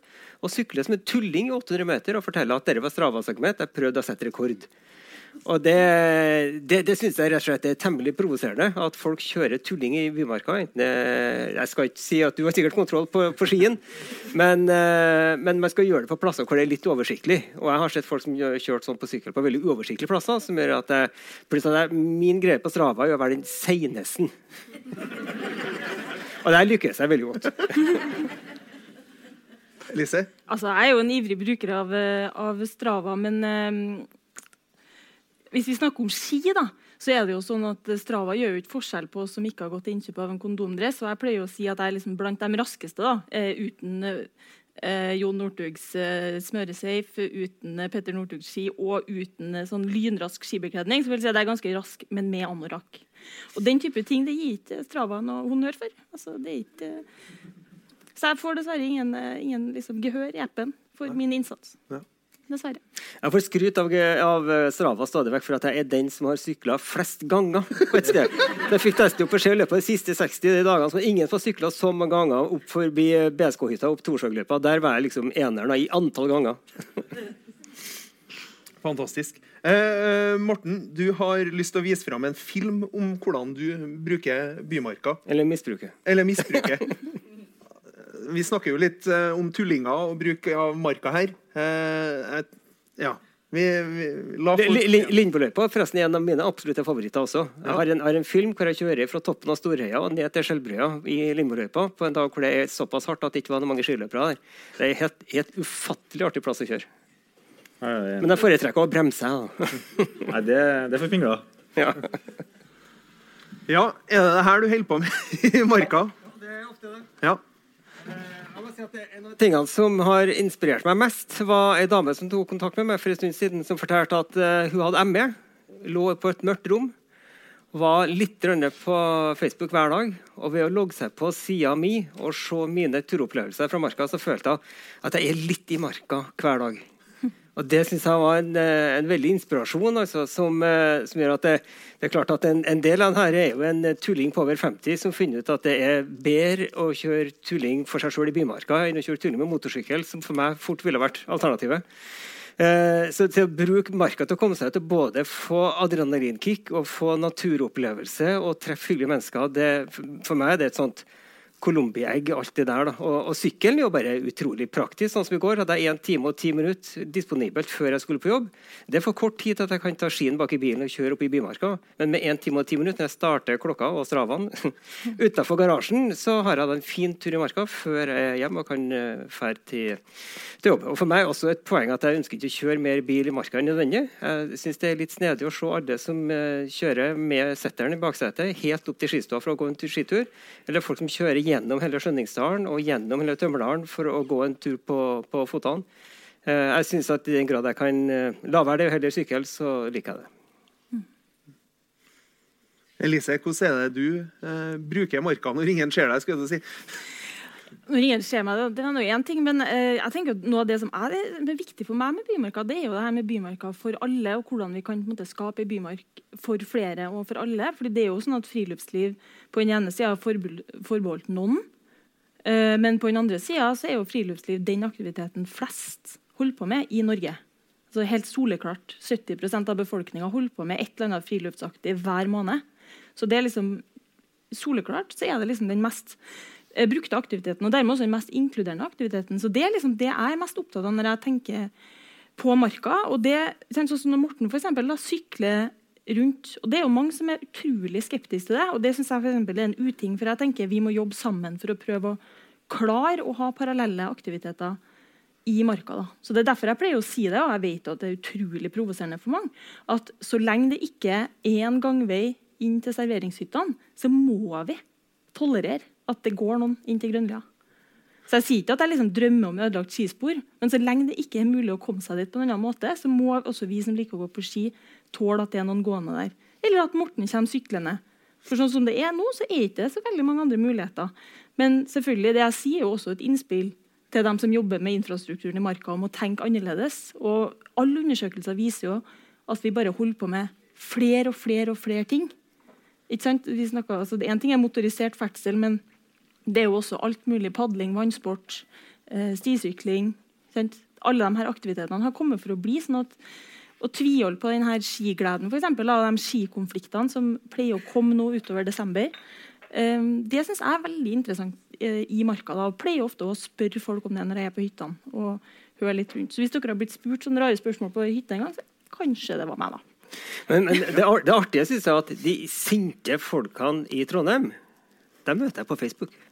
Ja, møter... på, på, på Facebook er folk rasende på meg for at jeg sykler i marka, og de er dritsinte for at jeg sykler på bekkene. Og de enkelte er helt fra seg for at jeg sykler på islagte skispor. Men i marka møter jeg ikke dem. Og jeg, og Enkelte år så har jeg 100 turer på snø i Bymarka, og jeg snakker med folk overalt. Jeg snakker med unge, jeg snakker med voksne, og møter så mye hyggelige folk. Men jeg setter meg til på Facebook, da kommer folk. Og du, hvor sterke meninger de har, så spør jeg har du møtt meg i Marka. Nei, men jeg kan tenke meg hvordan det er. Hvorfor jeg sier at det, det tror jeg du kan tenke deg. Nei, og Det der er jo et veldig interessant greie om Facebook. altså Speiler det noe, eller er det sånn at det faktisk eh, synliggjør konflikter som ikke er der? Noen ganger må jeg innrømme at jeg tenker det. Jeg så også noen som eh, klikka på en hest. Og da tenkte jeg også på spørsmålet om liksom, hvem er det som har bæsja i marka i 100 år. altså Den hesten har nok mest sannsynlig vært der litt lenger enn eh, en fluorski. sånn at det er jo noe med sånn Så må bruke litt, eh, litt humor. Da. Det, det, hender jo at jeg kommer i nedoverbakke i litt god fart. Og jeg skjønner jo at folk kan bli bekymra, for folk vet jo ikke hvor gode bremser jeg har. Men når jeg bremser, og så hender jo at folk blir litt sånn skvetten, og da sier jeg at du er bra heldig at det var tirsdag i dag. Ja? Du skjønner, tirsdagene, da kjører vi ikke på Folkemarka. og det er klart, Da bretter du litt isen, ikke sant? og da, da har du en god samtale ut ifra det. Ja. Hva tenker du om i Vidar? Nei, jeg, altså, Hadde spurt meg for tre år siden, eh, da hadde jeg nok eh, en litt mer sterkere mening om det. Men, eh, men jeg tenker marka er for alle. Jeg mener jeg støtter jo med innspillet om at her må jo legges til rette for en infrastruktur. og det At det blir lagt gå gåstier inn til, til hyttene vinterstid. Og det ser vi jo at det, det gjøres i Mellom-Europa. Der er det både skiløyper, alpinbakker og gåstier i, i skjønnforening. Og alle får bruke de hyttene som ligger rundt omkring. Eh, og så jeg, har jeg et spørsmål. Da, at, eh, det sier ikke at dere er noen av dem, men det er jo alltid noen da, som skal enten sykle eller absolutt gå akkurat i det fine trikkeskinnet klassisk sporet. Hvis du først skal gå der, da, enten gå litt på sida eller midt i. da, så i hvert fall eh, i hvert fall trikkeskinnesporet blir så fint som det kan være. Ja, det, det, vil jeg si at det er det samme for meg på vinteren som på sommeren. At På sommeren så ønsker jeg å sykle på plasser hvor jeg ikke setter spor. Og det er det samme på vinteren. Hvis jeg kommer i skiløype og du kan se at jeg sykler, så har ikke jeg skulle vært der. Og jeg, jeg, jeg, jeg, er jo litt usikker på din tilnærming til det. For hvis det er én plass i Bymarka at det helt tidlig i sesongen er mulig å gå på ski, enten det er inn til Elgseterhytta eller til Grønlia, så er det vel litt problem med å skjønne at det er absolutt der man må gå på fotene når det er nypreparerte skispor. Jeg tenker at jeg kan finne andre plasser å sykle, og tenker at kanskje kan det også de som går på fotene, ikke være nødt til å velge akkurat Elgseterhytta når det er veldig fine skiforhold inn der. Da kan kanskje rønningen være et alternativ. Tenk nå jeg, da. Ja, altså Finnes det vel stier eh, til alle de hyttene her som går utafor de tradisjonelle skiløypene? Ja, Grønlia er litt vanskelig. Ja. Ja, der tror jeg det går en langs ja, tror jeg vet det, sti. Farsan er jo en ellers ganske diplomatisk, men han kan jo fortsatt navngi hun dama som jogga i reserveløypa eh, på Fjellsetermyra eh, en snøfattig vinter eh, for 20 år siden. Det Ja, men det Der er det vondt blod. Men, eh, men det jeg mener, da, det er, det er jo at marka bruk. Hvordan kan man legge til rette for det i marka? Men nettopp så at Marka er rigga for på en måte, selv om vi kan, vi kan, diskutere om det er konflikter, men Marka er rigga for konflikt. Særlig tenker jeg det på vinteren, når det legges skispor i de mest populære traseene. Og jeg elsker ski, går masse på ski, men jeg tenker at der har man en litt sånn uløselig ting som jeg tenker er veldig interessant. Også hvis spørsmålet er at flere skal begynne å bruke Marka. Fordi det er jo, og Nå har vi jo sett at Marka har blitt brukt av flere, f.eks. under korona. Så Derfor er det jo en veldig sånn levende problemstilling. Men er det uløselig? Nei, det er ikke uløselig. Men eh, det hjelper ikke hvis jeg skal si det enkelt, så hjelper ikke det å få flere til å gå på ski. Man må heller legge til rette for flere typer aktiviteter ja, i marka. Tror jeg, da. Eh, favoritthistorien min er for en del år siden da jeg hadde en eh, svær schæfer og gikk på det som var hundeløypa i Bymarka ut fra Kyvannet over Femsekrysset. Og en veldig fin trasé hvor jeg møter en fyr uten hund som er rasende for at jeg går med hund. Hvorpå jeg sa at det er vel egentlig jeg som har grunn til å bli skikkelig forbanna på deg. Hva gjør du i hundeløypa uten hund? Men jeg spurte han hvorfor jeg var så provosert over hund. Han mente at jeg ødela sporet. Og så spurte jeg hva syns du om folk som går med pulk. Eh, de burde jo heller ikke vært i marka, for de ødela også sporet. Eh, og de som gikk på beina, burde ikke vært i marka. Og syklister var selvfølgelig helt utenkelig. Så sier jeg men da, du er jo bare en sur gammel gubbe du som ikke tåler annet enn det samme som deg sjøl. Da gikk han. Ja. Er, det noe, er, det noe, jeg skal presentere? Ja, min teori? Ja. Min teori, eh, Det er vel sånn svogerforskning, men uh, min teori da, er at alle vil ha flere av seg sjøl i marka. Uh, og at det sånn jevnt over gjelder for de aller fleste aktiviteter, hastigheter på ski. At de fleste har veldig sånn veldig veldig stor toleranse for den aktiviteten de bedriver sjøl. Enten det er å stå i veien for noen når man plukker blåbær, meg, eller det er deg som kanskje er oppe i 25-30-50-70 km i timen, 90 Jeg vet ikke helt hva fart du har, men at det kanskje er det som preger oss mest. Eh, Dette er jo da informasjon innhenta fra eh, Facebook-gruppa Bymarka, eller den Bymarka-gruppa. Og der syns jeg det er en veldig sånn tendens til at folk liksom som jeg sier, De setter en passer på sitt eget hode, og så trekker man en normal akkurat utafor sin egen nese og har veldig stor aksept for seg sjøl. Og så med en gang det bare går litt utafor, så er det litt vanskelig. Og det tenker jeg, det tenker jeg ofte på meg sjøl òg. Har jeg større toleranse for ganske like personer som meg sjøl i marka og det jeg holder på med. Og så har jeg litt vanskeligheter med alt fra liksom Vidar som kjører meg ned, til du som sykler meg ned, eller bare oss i skjønnforening. da. Så det er min eh, lille svogerforskning. Jeg tror jeg har veldig rett i det. Og jeg tror på en måte veldig mange av de skiløperne som blir veldig sure av folk som går i løypa, det er nok dem som er, ofte er konkurranseløpere eller på et relativt høyt nivå. Og så Når man da skjønner at eh, verden er litt større enn bare planker under beina og, og hvite, fine trikkeskinner, så er jo Bymarka for alle. Selvfølgelig er det. Har en yngre utgave av Vidar Underbakke hefta etter noen med en? Helt sikkert. min, min, erfaring er ikke, ikke, det. Jeg har en, eh, en, gutt som har en funksjonshemming som gjør at han er litt klossete på ski, og som gjør at han krever litt ordentlige løyper. Og vår erfaring etter å ha slitt veldig mange kvelder på femkilometeren i Bymarka, er at folk på min alder er de verste. Der, der, har jeg vært ut, ja, der, der har vært ut for folk som har uh, sett seg grunn til å rope til oss folk som holder på å kjøre ned, og folk som på alle måter viser at folk uten kondomdress har ikke med femkilometeren å gjøre. Som jeg syns er et litt spesielt utgangspunkt. Da. Ja, og Det tror jeg vi kan være enig i. Eh, jeg tror vi hopper litt videre. Et annet spennende, spennende tema, er skillelinje, Stein Rokkan, eh, i Bymarka, er jo den vern og utvikling. Eh, og Der har du jo noen som roper kjempehøyt hvis du har lyst til å anlegge eh, Det var vel på 60-tallet, kanskje Gaute kan korrigere meg om jeg tar feil, at man ville sette opp 250 skilt i Bymarka, men det ble til store protester for at det brøyt med folks naturfølelse. Eh, men eh, det er det er den med vern, utvikling tilrettelegging for bruk Um, alltid når jeg går langs Skjellbrea, så tenker jeg at det er et sted jeg kunne tenkt meg å vært mer. Uh, her skulle jeg gjerne hatt mulighet til å leie meg i koie eller tatt badstue. Hva, hva, hva, tenker dere om utvikling eller vern, eller ha det sånn som det er? Har dere noen tanker? Det er grøt av et spørsmål, men det ja, jeg, jeg, ser jo at uh, veldig mange stisyklister i Trondheim er relativt forbanna på at det blir foretatt utbedring av løypa. Ja. Eh, som jeg skjønner at noen syns er kanskje litt rart at de syklistene som har ødelagt løypene etterpå, er forbanna på at noen vil sette dem i stand. F.eks. den løypa opp til nå skal jeg ikke si at det er syklister som har kjørt under, men, men den, eh, den, stien opp til Storheia har jo vært voldsomt debatt rundt. Jeg, har, jeg, skjønner jo på den ene sida de som mener at ikke alt skal være tilgjengelig med barnevogn, og ikke alt skal være som en park.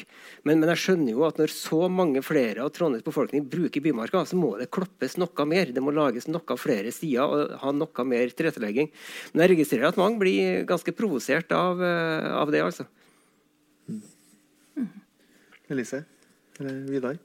Ja, jeg tror på en måte stier og skiløp er, jo, er det nok av. Eh, jeg har vært ganske privilegert og fått reist litt rundt i Europa. Jeg så jo på den undersøkelsen din at det var flere som ville ha ølservering. Eh, jeg, vet ikke hvor mange som har vært i, i Mellom-Europa og sett på igjen gåløypa, skiløypa, alpinbakka i Forening, men fått til noe litt sånn hyttekultur med, med litt ølservering på Eksetuta og Grønland. Det tror jeg, og skistua. Det tror jeg hadde vært helt magisk og kunne stoppa tatt seg en øl på Elgsetuta og gått hjem igjen på ski på en fin lørdag i mars, det, det tror jeg hadde vært helt, helt, konge. Så det tror jeg er noe som Spørs om Røde Kors er enig med deg. Ja, men først, Du må jo gå derifra, eller du må komme derifra. Da tror jeg at folk eh, klarer å styre seg. De klarer jo det andre plasser. Mm. Så det er ikke så langt i trikken heller, for dem som blir fotløse. Eller gondolen. Eller gondolen. Ja, skal jeg si noe om gondolen? Ja. ja jeg synes jo det, hvis, det er, hvis, jeg skal peke på én ting da, som jeg tenker at Marka mangler, som jeg ville virkelig støtta utvikling på, så er det jo rett og slett at man skulle ha hatt et uh, overnattingstilbud i Marka som introduserte folk for friluftsliv og overnatting. Nå er ikke jeg helt uh, liksom uhilda her, jeg er jo aktiv i Turistforeninga. Uh, men jeg tenker at hvis man hadde fått overnattingssteder i Marka, altså det kunne vært selvbetjente hytter, koier, små ting, så kunne man også i mye større grad fått brukt hele Marka. Eh, hadde man fått til f.eks. Eh, ei hytte i, ned mot Byneset, så kunne man kanskje begynt å se det annen type bruk, men også da f.eks.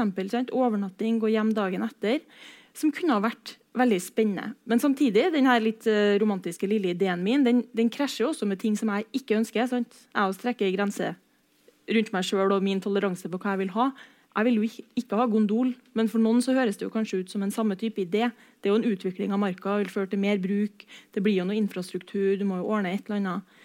Så, det artigste argumentet for gondol er jo dem som sier at det er en kjempefin måte så at funksjonshemmede kan komme seg opp i marka og komme seg innover. eh, har du vært på våttekammer, lurer jeg på da? Hvis at det var liksom det beste plassen i marka, så drar vi gondol videre innover, så jeg er litt usikker på, på den. Ja, men det er vel et vikarierende argument, og det skjønner jo de fleste. Men jeg tenker at det, og det ser man jo også brukt i veldig mange andre saker. NTNU bruker det jo for å bygge ut det meste om dagen. Men jeg tror ikke at det er et spørsmål, en problemstilling som kommer til å forsvinne. Og jeg tror at det kommer til å bli et spørsmål om tilrettelegging for rullende, f.eks. Vi har jo også en annen rullende case, og det er jo rulleskiløypa på Fuglemyra. Og det er jo også en rullende problemstilling. sånn at det er jo masse, eh, masse forskjellige aktivitetskonflikter. og Langs kysten så har man jo alt knytta til vannsport, og det har vi jo ikke begynt å diskutere her ennå. Så det, det, liksom, det ruller på med nye problemstillinger og bruksområder og aktiviteter.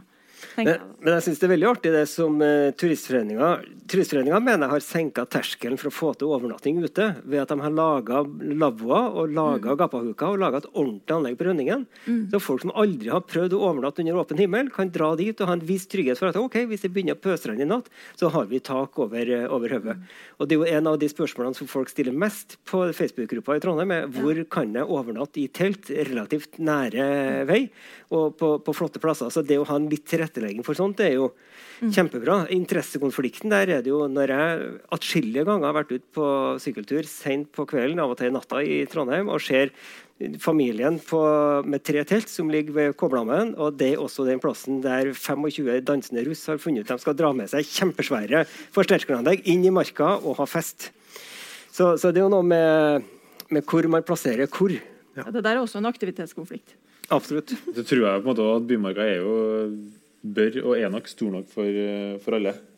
Hvis man eh, hever blikket sitt litt, da. Eh, og vi Det går utrolig fort, dette. Eh, jeg har lyst til å avslutte med at dere eh, Vi rekker dessverre ikke noen spørsmål fra dere. Eh, ja, men jeg kan ta alle spørsmål om sykling etterpå. klokka er fem på, på, ni, men jeg har lyst til å, å gi dere en utfordring på å fortelle hva, hva, hva er dere liker best med Bymarka. Eller hvor er det dere liker best? Hvor er dere trives? Hvor er det, Du har snakka litt om Limboløypa, men nå har annet ei skikkelig løype du, du, har eh, drevet og prøvd ut, som du kanskje kan eh, motivere andre her til å ta.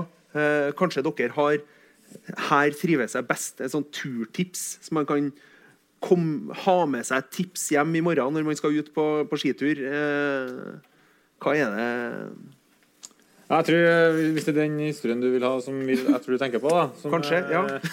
Eh, den, den, egner seg best på barmark. Eh, den ble oppfunnet i, i 2014.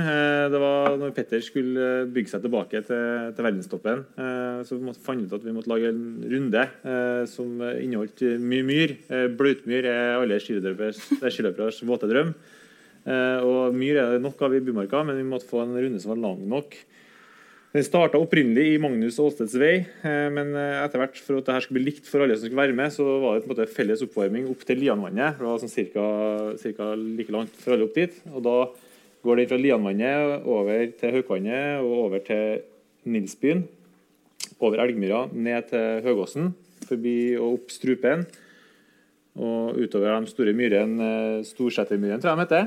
Eh, og så kommer du over til, til Ringvollmyra og ned til, mot Langlevatnet. Det var da eh, etappe én, så der var det drikkepause. og det hører egentlig med historien at Prologen er Lianvannet til Høgåsen. og Så er det langs Løglovatnet, langt inn i Langdalen. og Så begynner du da stigningene opp på baksida av Storøya. Det kalte vi da for uh, Alp d'Huez. Uh, Petter var jo veldig sånn, gira på å lage seg sånne metaforer når han trener. for å på en måte, og Alp d'Huez er jo en legendarisk stigning i Tour de France, som for så vidt ikke har noe med langrenn å gjøre. Men uh, var, det her var fortsatt barmark. da. Uh, og da er det jo, Når vi kommer dit, så er det jeg husker ikke akkurat kilometerantall, men da er det i hvert fall konstant stigning helt opp til Storøya, og det er 95% myr i den stigningen.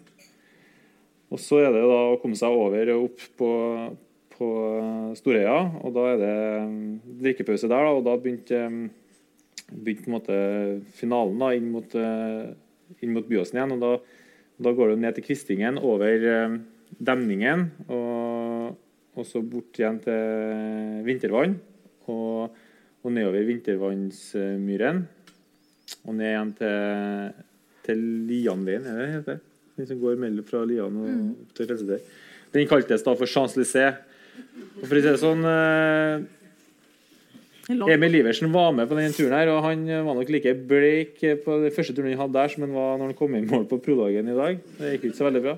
Så Der er ganske mange skiløpere som har eh, kjent på, kjent på eh, melkesyra og, og slappe ved- og gelébein når vi da kommer til Lianveien og kjører Champs-Élysées ned igjen til, til Lianvannet. Men eh, Hvor langt er det her? Jeg prøvde å finne ut det. Jeg prøvde å søke opp, men de, det er så lenge så har vi kjørt den. Eh, Så vi, men jeg prøvde å sende Vi får se om jeg har fått melding. For at jeg er ganske sikker på at Petter vet det egentlig. Men eh, Var den Petter Svart? eh, Bruren svart, så den er 27,5 km i da 95 myr. Eh, så det er, en, det er en tur jeg anbefaler alle å prøve. Eh, der er det jo selvfølgelig en rekord. Eh, rekorden er på 2 timer og 38 minutter. Eh, og jeg tror det er på en måte når det var på sitt verste og sitt bløteste, så, så ble det Så jeg tror det tregeste å sprunget på det var sånn tre, time, tre og en halv time. Så eh, fører har mye å si der òg. Eh, For dem som er interessert, skal jeg legge ut eh, ruta på, på det Facebook-eventet, sånn at dere kan prøve det når snøen forsvinner. Morten? Nei, altså På, på Barfrossen så syns jeg at det er ikke noe som er så artig som å sykle på bekk. Jeg går ofte igjennom og blir blaut, og det er en del av sjarmen. Jeg lager videoer av eh, det. Men jeg har spurt Trondheim kommune om de kan eh, gjøre litt mer tilrettelegging for sykling på bekk, og fikk beskjed av Karlsen dere der er så sært at det får holde på sjøl. Så det har jeg gjort flere plasser, og folk kommer på føttene med, med brodder og syns det er kjempeartig at det noen plasser er liksom at det går an å ferde på bekken. Eller så har jeg favorittløype hele vinteren gjennom, der jeg stadig blir stoppa av folk som er ute og jogger og folk som går med tur. Og jeg eh, reklamerer også for den som ønsker å gå på beina marka. Jeg sykler hjemmefra på Bredablikk, og så sykler jeg opp til BSK-hytta og så eh, opp til Lavollen. fra Lavollen til Helkansetra, og Helkansetra opp til Geitfjellet, Geitfjellet ned til Våtakammen, Våtakammen ned på strandlinja.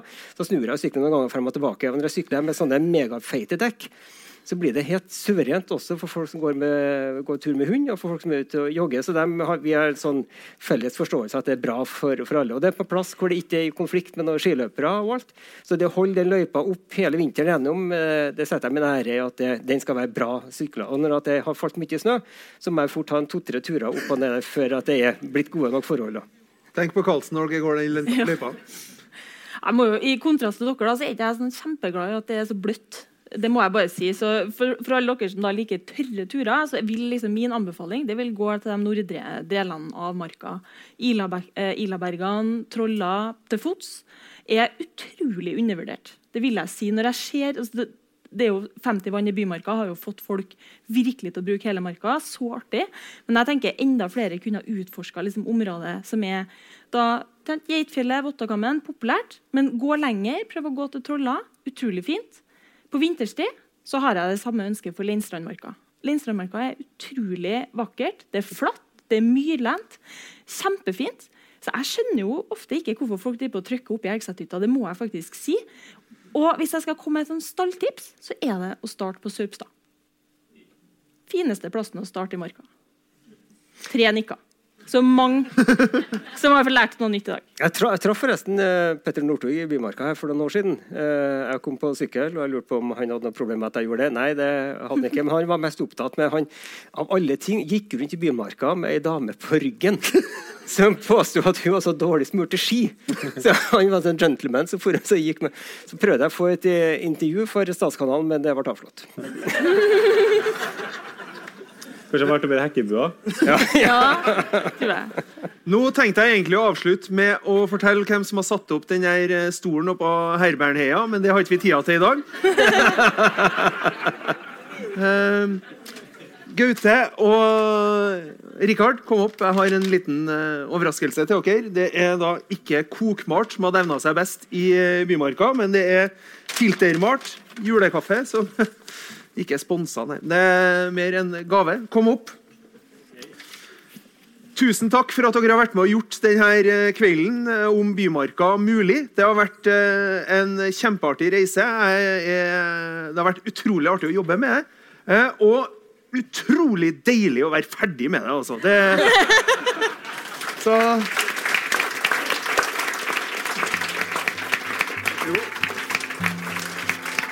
Og tusen takk til et utrolig godt publikum. Og så vel hjem og god jul.